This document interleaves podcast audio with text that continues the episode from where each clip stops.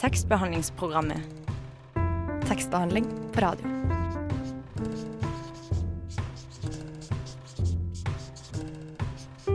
Tekstbehandlingsprogrammet.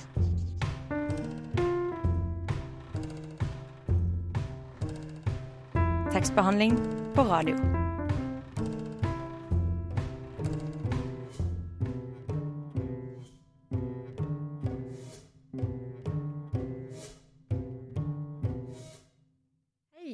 Velkommen til tekstbehandlingsprogrammet. I dag er det jeg, Stine, som er programleder, og så har jeg med meg Kristine som eh, sidekick. Hei. Hei. I dag så har vi litt annerledes sending enn vi kanskje pleier å ha. Ikke bare fordi at vi er sprekksyke begge to, men fordi vi skal snakke om sport. Og dikt også, da, men eh, litt sport. Her skulle vi egentlig hatt litt sånn eh, jubling og brøling og sånn, men teknikken var ikke på min side, så vi klarer oss uten.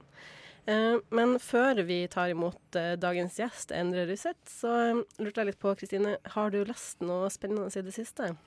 Eh, nå om dagen så går det egentlig mest i pensum, så jeg har lest veldig mye i portrettets sjanger av Hege Lamark. Eh, men bortsett fra det så leser jeg egentlig mye dikt, eh, ren poesi, og 'Dette skjer ikke' av Ida Lorien Ringdal. Eh, men kanskje aller mest er liksom den boka jeg kommer fram og tilbake til hver gang, det er uh, 'Melk og honning' med Rupi Kaur. Mm. Mm. Så nå har du lest den uh, på norsk? Jeg har lest den på engelsk, Mm. og jeg syns den er bedre på engelsk. Men jeg vil også anbefale den nye, nye boka på, på norsk, da den oversatte. Ja. For den er sånn så sår og så vond, og så er den helt fantastisk. Og Nei, den er bare helt uh, vidunderlig, rett og slett. Ja. Tenkte Jeg har med et dikt som jeg tenkte jeg kunne Eller det er ikke mitt dikt, det er Rupi sitt dikt. Som jeg tenker jeg illustrerer egentlig boka veldig godt, da. Jeg vil si unnskyld til alle kvinnene jeg har kalt pene, før jeg har kalt dem intelligente eller modige. Jeg beklager at jeg fikk det til å høres ut som om noe så enkelt som om det du ble født med, er det du har størst grunn til å være stolt av, når kraften din har knust fjell. Fra nå av skal jeg si ting som du er sterk, eller du er helt spesiell. Ikke fordi at jeg ikke syns du er pen, men fordi du er så mye mer enn det. Så det er min anbefaling til alle alle lyttere der ute, gå og kjøp melk og honning, fordi den er eh, helt fantastisk. Bra anbefaling, og det var altså ukas anbefaling. Eh, men du vil altså anbefale den på norsk, eller? Jeg vil nok anbefale den på engelsk hvis jeg skal anbefale den. Men eh, altså, den er jo, det er noen ting som på en måte er sterkere på norsk. Når du på en Mm. måte uh, leser ordet voldtekt på norsk, så syns jeg det er mer sterkt enn å lese rape på engelsk. på en måte. Så det er vel noe med det. Uh, men så er på en måte flyten er jo bedre på engelsk, for det er jo skrevet på engelsk. Så Ja. jeg tror det er liksom det Så pluss og minus. med Ja, rett og slett. slett. Ja, men det var altså ukas anbefaling. Og før vi tar imot Endre Ruseth, så skal vi høre en av sangene han har valgt ut til dagens sending. Eh, Rita Franklin med 'You Make Me Feel Like a Natural Woman'. Det var altså Rita Franklin, eh, valgt av dagens gjest, eh, Endre Ruseth. Eh, først, velkommen. Eh, Tusen takk. Og så eh, må jeg jo nesten spørre, hvorfor valgte du denne låta? Fordi at eh, den boka som jeg har skrevet, som vi skal snakke om her i dag, den er jo en slags forelskelsen og gledens bok. Og den låta her, den siste gangen jeg var forelska, veldig lenge siden nå, så var det den låta her jeg hørte masse på. Mm. Så veldig fint svar. Eh, og så må vi også starte litt eh, med, med et enkelt spørsmål. Eh, nå skal jeg ikke jeg late som ikke jeg vet hvem eh, Noriaki Kasai er, som ikke vet hvem han er, men det kan hende at det er noen som hører på som ikke vet hvem han er. Eh, så hvem er Noriaki? Han var en japansk skihopper, og da jeg var åtte år, så begynte jeg å se på skihopp. Da begynte han å hoppe, og han hopper fortsatt, og er fortsatt eh, skihopper. Så han er en japansk skihopper som har deltatt i utrolig mange år i skihopptoppen. Ja, som du nå har skrevet i diktbok eh, som er oppkalt etter, da. Mm. Mm. Hva er ditt forhold til eh, skihopping? Det er veldig sterkt. Jeg har vokst opp med skihopp hele mitt liv, og jeg har hatt et høydeskrekk sjøl. Jeg har aldri turt å hoppe. Jeg gikk på Telemark da jeg var yngre, og deltok i ett norgescuprenn i Telemark, faktisk. Men jeg turte faen ikke å hoppe, og det var min hemsko. Så kan det hende at det er derfor jeg har blitt interessert i skihopp, fordi at eh, jeg har alltid sånn vært fascinert over det der eh, til å slippes ut og hoppe sånn 200 meter og sveve ut i lufta. Og, så jeg har nok et ganske romantisk, estetisk forhold til skihopp. Ja. Så du sitter benka i romjula og resten av sesongen og følger med på renn, eller? Det gjør jeg. Jeg husker jeg et år for veldig mange år siden. Min bestefar han bodde i samme hus som meg. Og han eh, Det er egentlig en ganske rørende historie, men han eh, I pausen på et hopprenn, nyttårshopprenn, så forsvant han. Og så fant vi han ute i ytterdøra, så han holdt seg fast og gråt. Og da hadde han fått Han var senil, da, så han hadde fått Han trodde han skulle hoppe, da. Så han trygla oss 'vær så snill, ikke la meg hoppe i bakken i Garmisch-Partenkirchen'. Så um, ja. Så jeg har mange historier knyttet til skihopp, men min bestefar uh, trodde i hvert fall at en gang så skulle han hoppe derfra, og det slapp han heldigvis å gjøre. Så vi så andre omgang sammen, og han trengte da selvfølgelig ikke å hoppe. Hva, hva er det med Noriaki, da? Egentlig så er det sånn at de siste tre bøkene jeg har skrevet, har vært veldig forskjellige. Jeg har skrevet to bøker siste Dette er den tredje boka på et par år. Den ene handler om sorg og er en slags sånn personlig sorgbok. Og den andre er gjendiktning av et sånt avantgardistisk diktverk fra 1969 av Christensen, og det her er skihopp. Og det er jo det som er så fascinerende med språk og litteratur når man jobber med det, at uh, språket fører man til forskjellige steder. En gang så står man på en måte i en livskrise, og så skriver man om det. En annen gang så står man i liksom avantgardismen og skriver om det, og så plutselig er man i en hoppbakke da, og skriver om det. Og det er fordi at det er en del av min virkelighet. Og mm, vi snakka med Jan Erik Vold for et par år siden, han skrev også om, han hadde skrevet om skøyter. Og han sa at hvis det du skriver om er en del av virkeligheten, så kan du skrive om det. Og dette er en del av min virkelighet, så derfor har jeg skrevet om det. Men hvorfor akkurat han? Hvorfor ikke Altså Nå kommer jeg ikke på Rune Velta. altså, hvorfor når jeg Rune Velta fra Lommedalen skulle gjerne skrevet om han, altså. Veldig dårlig eksempel. Jeg skulle gjerne skrevet et dikt. Kanskje Henny kommer til å gjøre det også. Men det handler om at um, den diktformen som jeg har valgt i denne boka, her, det er jo på en måte haiku. Eller altså, det er inspirert av haiku, for det er ikke rene haiku. Og det er en veldig sånn klassisk trelinjers diktform som er på 17 stavelser til sammen, som regel. Og som handler veldig om å finne et slags satspunkt. Altså for å skrive et dikt må finne et punktet. Og et skihopp handler jo veldig mye om det samme, om det å finne satspunktet for å kunne sveve lengst. Eh, og det har nok den diktformen og opp til felles.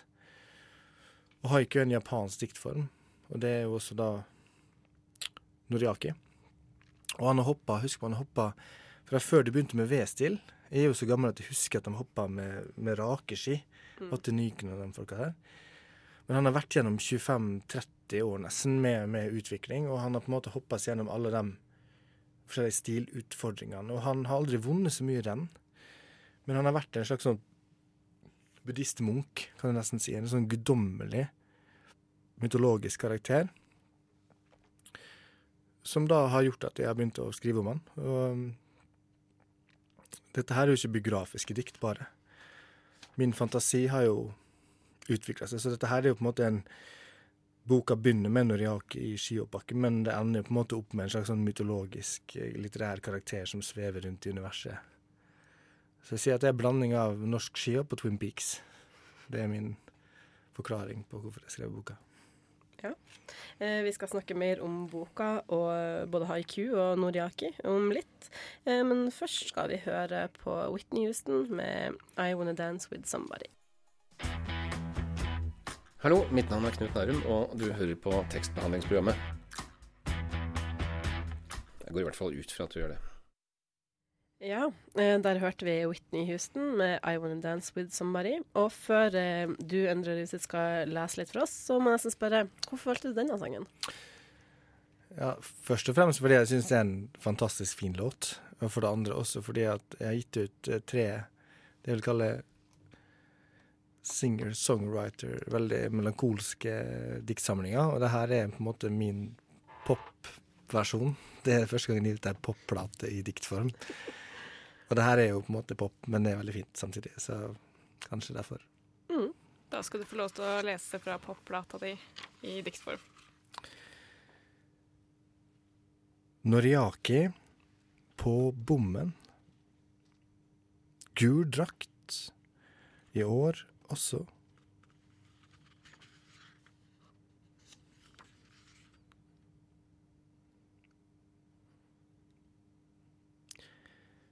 Der hoppkanten slutter, begynner Noriaki.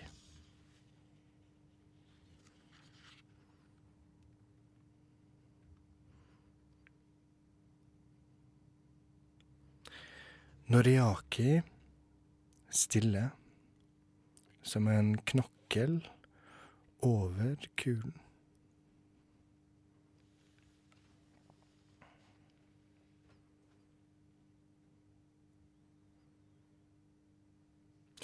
Regn over Sandruelva. Noriaki fisker kirsebærørret.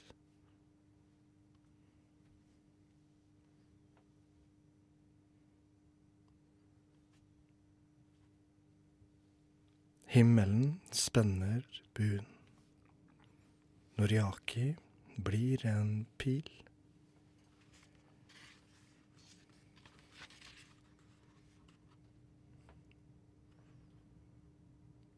I sommerhuset, under en vinterfrakk, Noriaki sovende.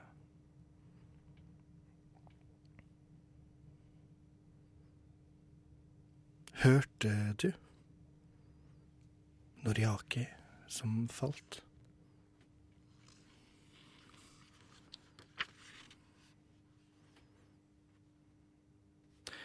Noriaki. En fugleunge før sitt første hopp.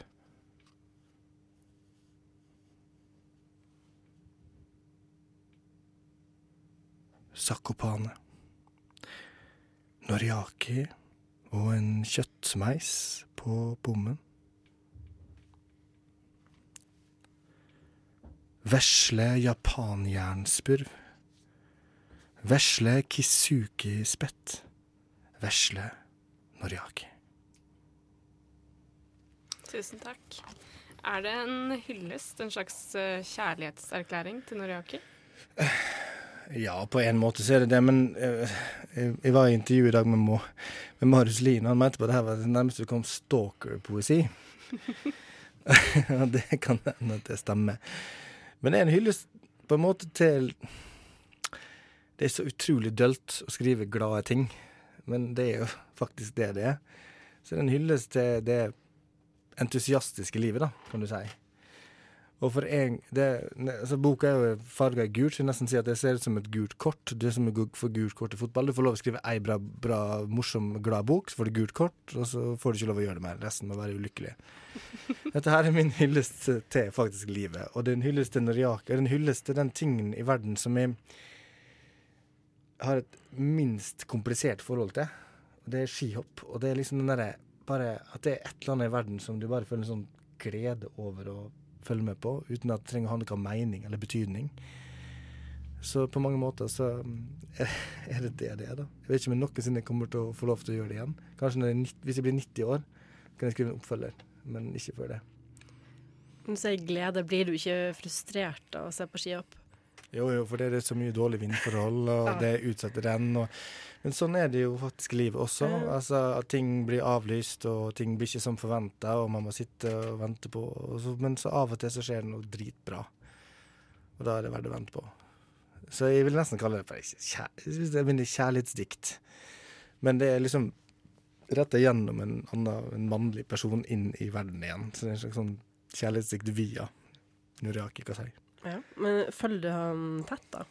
Ja, sånn Jeg tror han i hvert fall føler at jeg følger han tett, for jeg har tatt jævla mange bilder med han eh, når jeg har vært på skirenn, og jeg er i Vikersund og jeg er i Holmenkollen. Jeg har møtt ham mange ganger. Og jeg har gitt ut en sånn liten sånn singelversjon av den boka her. Eh, og når jeg kom med den, da reagerte han med ekstrem takknemlighet, som han alltid gjør, men også en slags sånn Hvem, hvem er han fyren her, egentlig? Han må være helt stendig gal. Så det var en blanding av eh, det, da, de to tingene. ja. Tror du han har lest i det?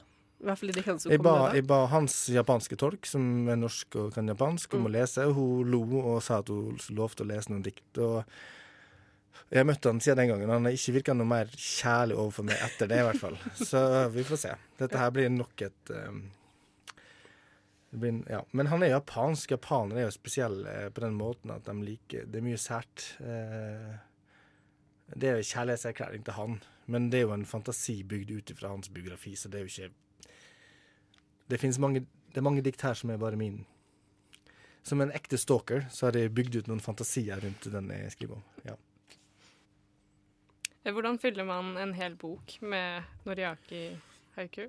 Godt spørsmål. Det er et seks år med skriving. 2500 dikt, som er blitt til 140. For meg har det vært et overskuddsprosjekt. Når jeg har gjort andre ting, gjendiktninger, anmeldelser og sånn. Så når jeg har tatt meg liksom en 15 minutter fri, så har jeg skrevet et par sånne små. Så det er egentlig bare en sånn En samling av alle de frikvarterene jeg har hatt, der jeg ikke har trengt å ta ting alvorlig, men bare kunne på en måte gjort noen morsomme ting. Det er mange rene vitser også som kunne vært framført på rorbua, sikkert. Eller gamle rorbua. Men så er det jo noen litterære tyngre referanser og sånn. Så det vel en blanding av tungt og lett og sånn. Men for meg har det vært et sånt frihetsprosjekt, da. Ja, eh, eh, hva, det slags, hva slags norske haiku-tradisjonen finnes det om noen? Jeg vet i hvert fall at den eneste som på en måte har blitt anerkjent og oversatt til japansk, det er Henrik Vold, 'Sporsnø'. Og det er jo en av de få som ikke har fulgt haiku-formatet. Altså, hvis man skal begynne å snakke om haiku-diktning, så er det såpass teknisk at, at um, man kan snakke om det i fem timer. Men det er interessant at de mest sånn punk punkaktige haiku, de haiku-dikterne i Norge, det er dem som på en måte har blitt anerkjent i Japan. Mens de mest tradisjonelle i Norden har på en måte Det har de ikke brydd seg om. Og det tenker jeg at det her er mitt uh, bidrag til punk-haiku Den skitne haiku-tradisjonen, da. For det er jo ikke rene haiku. Det er jo uh, haiku-diktning blanda med en ny type diktning.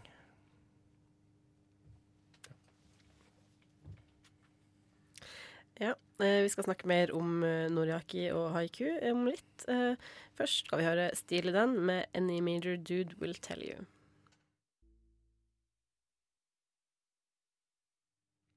Det var stil i den, og det var også en sang som dagens gjest Endre Ruseth har valgt ut. Og hvorfor har du valgt denne sangen? Fordi at uh, han er enig i stil i den. Han døde for ei uke siden. Og jeg er veldig glad i det bandet. Denne låta her har en veldig spesiell plass i mitt hjerte. En veldig personlig plass, men det har jeg ikke lyst til å si her. Det er hemmelig, men det er derfor jeg spilte den. Ja, det er greit. Og nå skal vi høre litt mer fra din nye haiku-bok, Noriaki.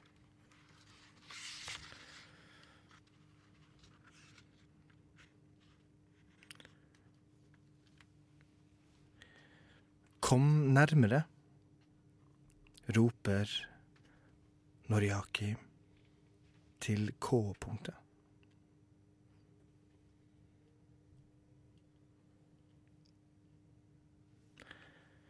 Noriaki ser et ekorn med rød pingpongball i kjeften.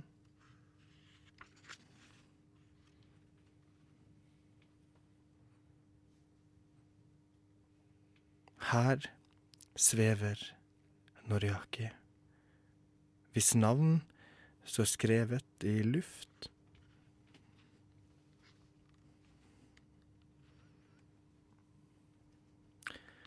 Alt som beveger seg. Noriaki. I svarttrostens øye.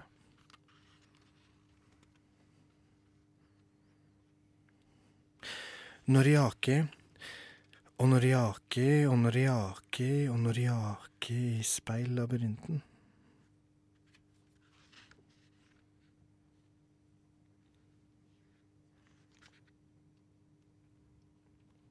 Et snøfnugg er hodeplagg nok for Noriakis fingertupp.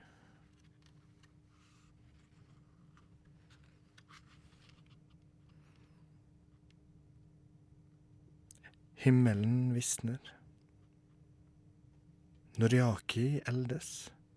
Knær og måne skjelver.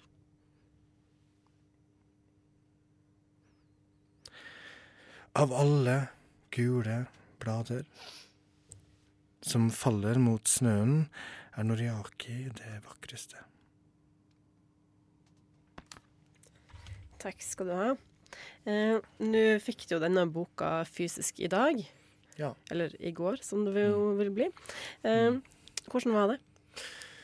Det var veldig veldig spesielt, fordi at eh, den boka her har en spesiell historie. Eh, du, som du, altså, Noriakis hoppdress er gul og svart, og boka er lagd i gul og svart. Og Jokoland, som er jo den beste bokdesignere-firmaet i hele Norge, med Aslak Gurholt, eller hva det heter, han har designa det. Og det jeg oppdaga, var jo at han var kanskje enda større hoppfan enn det jeg var.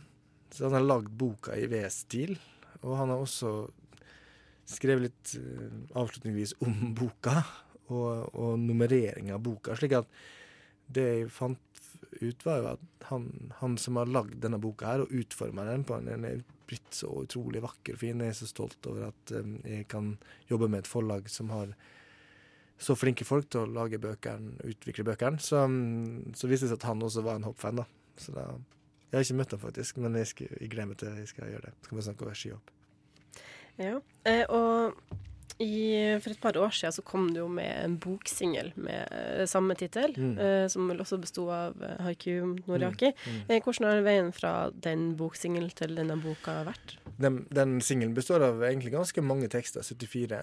Det er kanskje 35-38 av dem i denne boka her, så det er 100 cirka nye. Men en stor vei fra å gi ut en singel til å gi ut en hel bok, for en hel bok skal jo på en måte være et litterært produkt som i hvert fall for meg lever litt på en annen måte i verden. Den blir anmeldt. En, en singel kan du liksom gi ut, og folk kan lese og det er gøy, men, men, men et album eller en bo, hel bok er noe helt annet. Slik at det jeg jobba mye med, var jo å prøve å tenke ut Kan så korte tekster, som alle har det samme navnet i seg, bære hele boka ut? Hvor tid begynner ting å gå på tomgang? Hvor tid begynner ting å gjenta seg? Så jeg har prøvd å kutte mest mulig i tekstene, og prøvd å gi den svevfølelsen hele veien ut. Så boka har egentlig blitt mye mindre enn vi tenkte at den skulle bli. For å gi den derre jeg nesten si forelskelsesfølelsen. Da. Du skal lukke boka og fortsatt føle at du er, du er i svevet. Det er jo Mm. veldig poetisk sagt, men eh, du skjønner hva jeg mener. Ja. Eh, men et annet, litt annet spørsmål. Eh, når jeg leste diktene eller boka, da, så legger jeg merke til at det er jo en del sånn name-dropping. Sakopane, Jan Boklöv, Hakuba, Harachov, Kulm osv. Mm, mm. Eh, må man kjenne til sporten og disse anleggene og personene og sånn for å liksom Jeg vil, nesten, jeg vil nesten si at det er flere litterære referanser i Mm. boka enn det er hoppreferanser. Slik at om du eh, Om du studerer litteraturvitenskap, så vil du kanskje ha mer av Det er flere pek dit hen imot enn mot faktisk hoppsporten, da.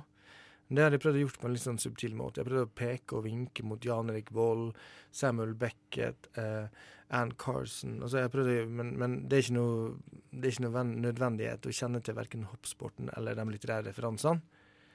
Hvis det er en bra bok, så skal den kunne leses uten at man, at, at man finner en glede ved det uten å ta de referansene. Men det fins både hopphilsener, det fins uh, hilsener til NRK Sporten, det fins et Arne Skeie-sitat som er et eget dikt, det fins William Shakespeare. Altså det fins Jeg har brukt alle mine litterære horisonter for å, og mine interesser for å få til denne boka her. Men hvis den ikke funker som å bare lese den uten at man kan det også, så har jeg, mislykkes. Så det er ingen uh, nødvendighet å kjenne til skihoppsporten for å lese boka i det hele tatt. Hva slags OK. eh, jeg, skal, jeg skal bare spørre eh, Hva slags Arnskei-sitat er det du tenker på? Det er et dikt som går sånn um, jeg, jeg, husker uten at jeg ikke bladd opp nå. Når jaket må nok ned mot 130 for å klare det. Det er et direkte Arne Skei-sitat fra et eller annet som jeg skrev ned. Det er det morsomme når man jobber med dikt òg. Når man finner en form, så kan man putte inn så mange ting. ikke sant? Når man først bare finner en form som funker, så er det sånn at man kan kaste inn sitat, hverdagssituasjoner. Man kan kaste inn at når jeg ikke spiser svarte sitroner, eksempel, som er helt absurd. Men når man liksom finner en, en litterær form som funker, så er det sånn Det åpner opp for så mange mm, kule ideer, syns jeg. da. Og man, begynner, man er ikke redd for å bruke andre skei. eller hvem altså, For meg er poesien den friheten når man finner en form der man bare tenker alt kan bli brukt. Man kan ta inn, man kan kaste inn. Det er kreolsk gryte av ting som man bare kan sverve sammen. Og, så, og det er det Så derfor Jeg tror det faktisk er to Arne Skei-sitater, men det ja, Jeg må invitere Arne Skei på lanseringa, tror jeg. Hva slags eh, research har du gjort eh, før du skrev boka, og mens du skrev boka? Den viktigste researchen var at i 2011 så var jeg i Colombia, i Medellin. Pablo Escobar, kokainkongens hjemby. Der var det en stor poesifestival som jeg var invitert på. Og Der møtte jeg en japansk eh, lederen for, faktisk for World Haiku Foundation, som også er en av de kuleste, beste poetene nålevende i dag. Han heter Banya Natsushi. Og han var rasende sint når han kom, på, kom dit, for han hadde blitt behandla dårlig. Så han var en veldig ja, gretten type. Ikke fornøyd med noe som helst. Men så en dag så gikk jeg og kjøpte boka hans i bokhandelen, for det var en engelsk oversettelse av boka hans. Og da ble vi venner. Og så begynte jeg å lære litt om måten han skrev haiku på. Han skrev en ny type haiku. Han brukte også en karakter som han kalte for The, the Flying Pope. Den flyvende paven. Så egentlig så er jo ideen til Noriaki stjålet fra bandet Natsushi. Og det er ideen om å bruke en karakter i hvert dikt som er så kort. Og han var en veldig spesiell fyr. Han var veldig, veldig sint og sur, men han var en veldig fin type. Og jeg husker jeg satt på frokost med han en dag, og så så han på meg med smale øyne og sa Do you like Haruki Murakami? Og så sa jeg noe som ærlig sa at no, actually, I don't like his literature. Very good! Og etter det så ble vi venner, da. Og da begynte han å sende med haiku-samlinger. Så nå får jeg faktisk sånn hver tredje måned så får jeg sånn japansk post i postkassa med sånn verden, med oversettelser fra hele verden og sånn. Så han må jeg egentlig takke for den boka, for det er han som har vært min inspirasjon. Ja. Skal du sende han boka, da? Ja, og jeg skal prøve å få han til å oversette den til japansk, så jeg kan komme dit og henge i Tokyo en uke eller noe sånt. Det har vært veldig gøy. Det høres veldig bra ut. Eh, Nå skal vi høre en sang som faktisk ikke er valgt ut av dagens gjest, men som er plukka fra A-lista. Her kommer franske piker helt sammen. Hvor stor har jeg, plass har egentlig fakta i disse diktene? Vi snakka jo litt om research og inspirasjon og sånn. Veldig liten. Det er noen ting jeg veit. Noen ting jeg har valgt å ta ut, som at eh, jeg hørte at Noriaki vokste opp med alenemor som døde i en brann. Men eh, Og det føler jeg blir som for alvorlig ting å ta inn i en sånn bok, for det er en fantasi Det er en fantasering rundt en biografi. Men han, så vidt jeg vet, er glad i Formel 1. Han er glad i å fiske. Så jeg har tatt med ei scene der han kjører bil og hører på Dire Straits. Og så har jeg tatt med et dikt der han fisker ørret. Eller kirsebærørret, som man, man, gjør der. Han kommer fra Hokkaido. Eh, halvøya, altså Eller øya. Nord for um, fastlandet i Japan, eller det som er Japan.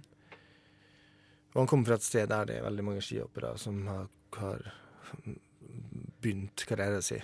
Eh, så en del ting veit jeg. Jeg har jo selvfølgelig møtt han, jeg har snakka med han, jeg har lest det som fins av intervju med han og sånn. Men jeg er veldig opptatt av at dette her er jo Jeg skriver jo om Noriakis bryllupsnatt, for eksempel. Nesten inn mot det erotiske, og det er jo selvfølgelig jævlig frekt å gjøre. Eh, og det kan man jo selvfølgelig ikke gjøre, men det var for fristende til, så jeg gjorde faktisk det. Men det har jo selvfølgelig ingen rot i sannheten i det hele tatt. Oppsettet i bøkene er ganske utradisjonelt. Ja. Eh, kan du fortelle litt hvorfor diktene er lagt opp på den måten? Det er jo trelinjers dikt etter på en måte haiku-tradisjonen, selv om det ikke er klassiske haiku. Jeg leste fra boka, eller fra manuset i Moss. Og Da var det en som kom opp og tok, skulle ha tak i manuset mitt. Og så tok han tak i det, så kasta han i bakken så trampa han på og sa 'Dette er ikke haiku'. Men det er jo en slags imitasjon av haiku-formatet, da, kan du si. Um, så det er tre linjers dikt på mellom 10 og 17-18 stavelser. Så det er jo små dråper, egentlig, av dikt. Og um, det jeg også har opplevd litt med de diktet her, er at særlig unge folk, helt ned i barnealderen, føler at de kan lese dem. Fordi det er ikke komplekse litterære eller komplekse poetiske bilder, men det er ofte sånn han i svev, eller han spiser et eller annet. Og, um, så, så det jo kanskje en dikt som Altså det er et bilde, da, kan du si. Hvert dikt er et lite bilde. Og det er jo det haikutradisjonen også handler om, å lage en slags et enkelt bilde, så skal du kunne tenke på det bildet og sånn. Så det er nesten så det har vært fristende å gitt ut som, som barne- og ungdomsdikt, men det er det jo ikke. Eh, Det er jo dikt som skal gjelde, være mulig å lese for absolutt alle. Så det Men Ja, også inni boka så er det på en måte forma som en V, eller som eventuelt som to ski, da. ja. Mange steder. Mm. Har du Hva tenkte du når du gjorde det? Det er han som har designa boka, som er så utrolig Kanskje mer hoppinteressert enn det jeg er, ehm, som har gjort. Så det har jeg han å takke for.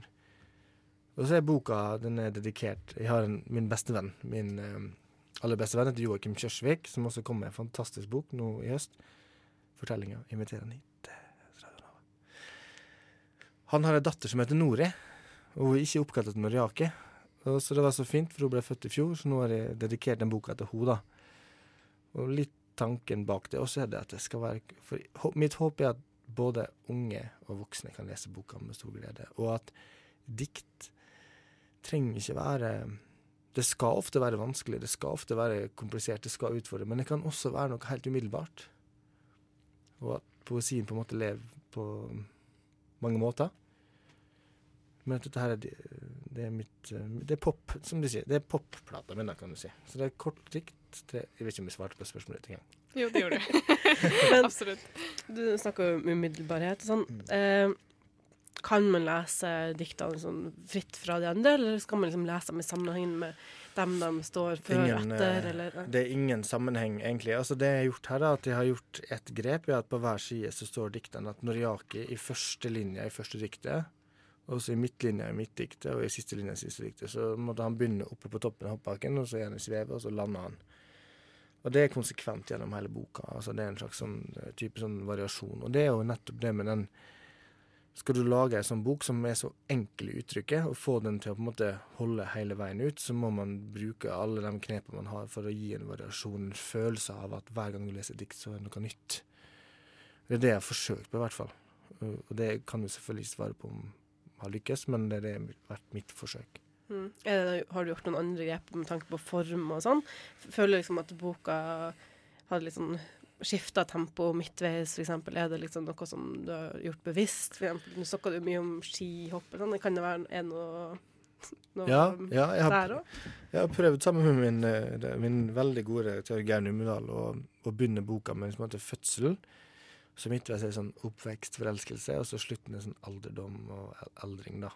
Så det har jeg, jeg har forsøkt å lage litt sånne spor, men ikke for mange. Skjønner. Og hvordan, eh, du har jo gitt ut en del bøker før, og sånn, men hvordan skiller denne seg fra dine tidligere utgivelser? Jeg har blitt voksen. For første gang jeg føler meg faktisk helt seriøst voksen og gammel. Og helt fram til nå så har jeg følt meg sånn Jeg har ikke følt meg voksen i det hele tatt, men nå er jeg faktisk voksen. Og når du skriver ei diktsamling om skihopp, så er du faktisk Da er ikke du student lenger. Da er ikke du blindern. Da er du, da er du ferdig. Da er du voksent menneske i verden. Sånn at eh, selv om det er forelskelsesbok og ei sånn gladbok, så er det også et tegn på at jeg faktisk Jeg er faktisk blitt litt eh, gammel, slett. Men uh, Noriaki Kasei, om jeg ikke tar helt feil, så ble han vel 45 i sommer. Ti år eldre enn meg, ja. Ja. Eh, så han begynner jo å dra litt på Ja, begynner å bli litt gammel, da. Og det kan vel ikke være så fryktelig lenge til han legger opp. Med mindre jeg tar feil, så var vel hans forrige seier 29.11. i 2014 i Kusama. Tror du han klarer å vinne Det, den, den seieren er nevnt i boka. mm. Mm. Men tror du han klarer å vinne igjen før han legger opp? Du, folk sa for ti år siden at han kom til å legge opp, og han var ferdig. Nå har det gått ti år, og han er fortsatt med. Men han kan ikke fortsette i ti år til, kan han det? Han sier jo det, at han skal fortsette i tolv år til, for da er det OL på hjemmebane. Han skal, han skal holde på til han er fem, fem, det er 53 år gammel. Det er jo Mhm. det han sier. Har du trua det? For min egen boksalgs eh, skyld så håper jeg han fortsetter så lenge som mulig, men jeg tenker at, at når det er for, for Altså, en, det er et mirakel, det han gjør nå. Du har Bjørndalen, så har du han.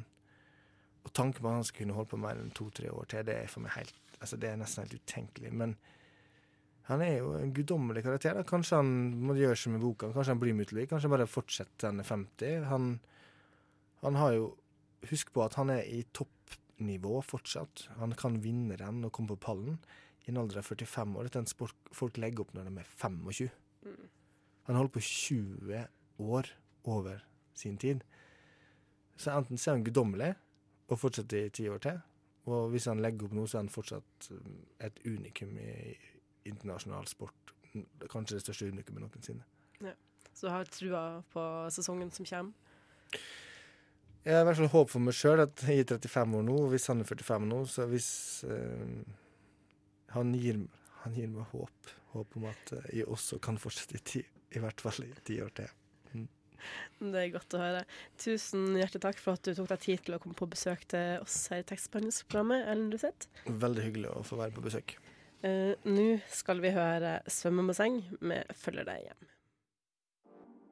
Eh, og det var alt vi hadde for i dag. Eh, tusen takk til Endre Ruseth som orka å besøke oss med sin nye diktsamling 'Noriaki'. Hvis du har lyst til å høre på denne sendinga på nytt, eller andre sendinger som vi har gjort her i tekstbehandlingsprogrammet, så kan du finne oss på Soundcloud eller på iTunes. Og du kan også følge oss på Instagram og på Facebook, og jeg tror vi heter Tekstbehandlingsprogrammet alle plassene. Det gjør vi. Eh, det var altså alt vi hadde. Du hører oss igjen neste onsdag til samme tid. I studio i dag var det jeg, Stine Spilkvik Hansen og Kristine Aas. Teknikerne i dag var Theodor Skjønnevig og Joakim Foss Johansen.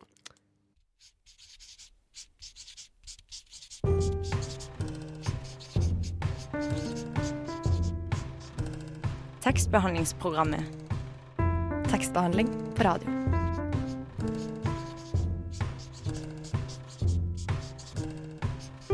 Tekstbehandlingsprogrammet.